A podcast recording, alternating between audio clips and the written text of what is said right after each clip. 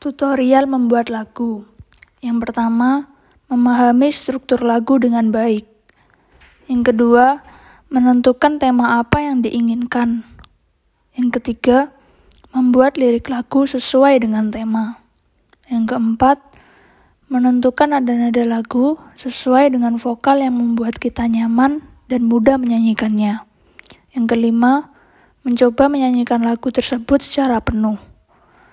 Yang keenam, mengkoreksi atau mengganti nada atau lirik mana yang kurang pas atau kurang sesuai. Yang ketujuh, setelah lagu dikoreksi, dihafalkan lagu tersebut dengan nada yang enak dan mudah. Dan yang terakhir, menambahkan variasi untuk memperindah lagu tersebut.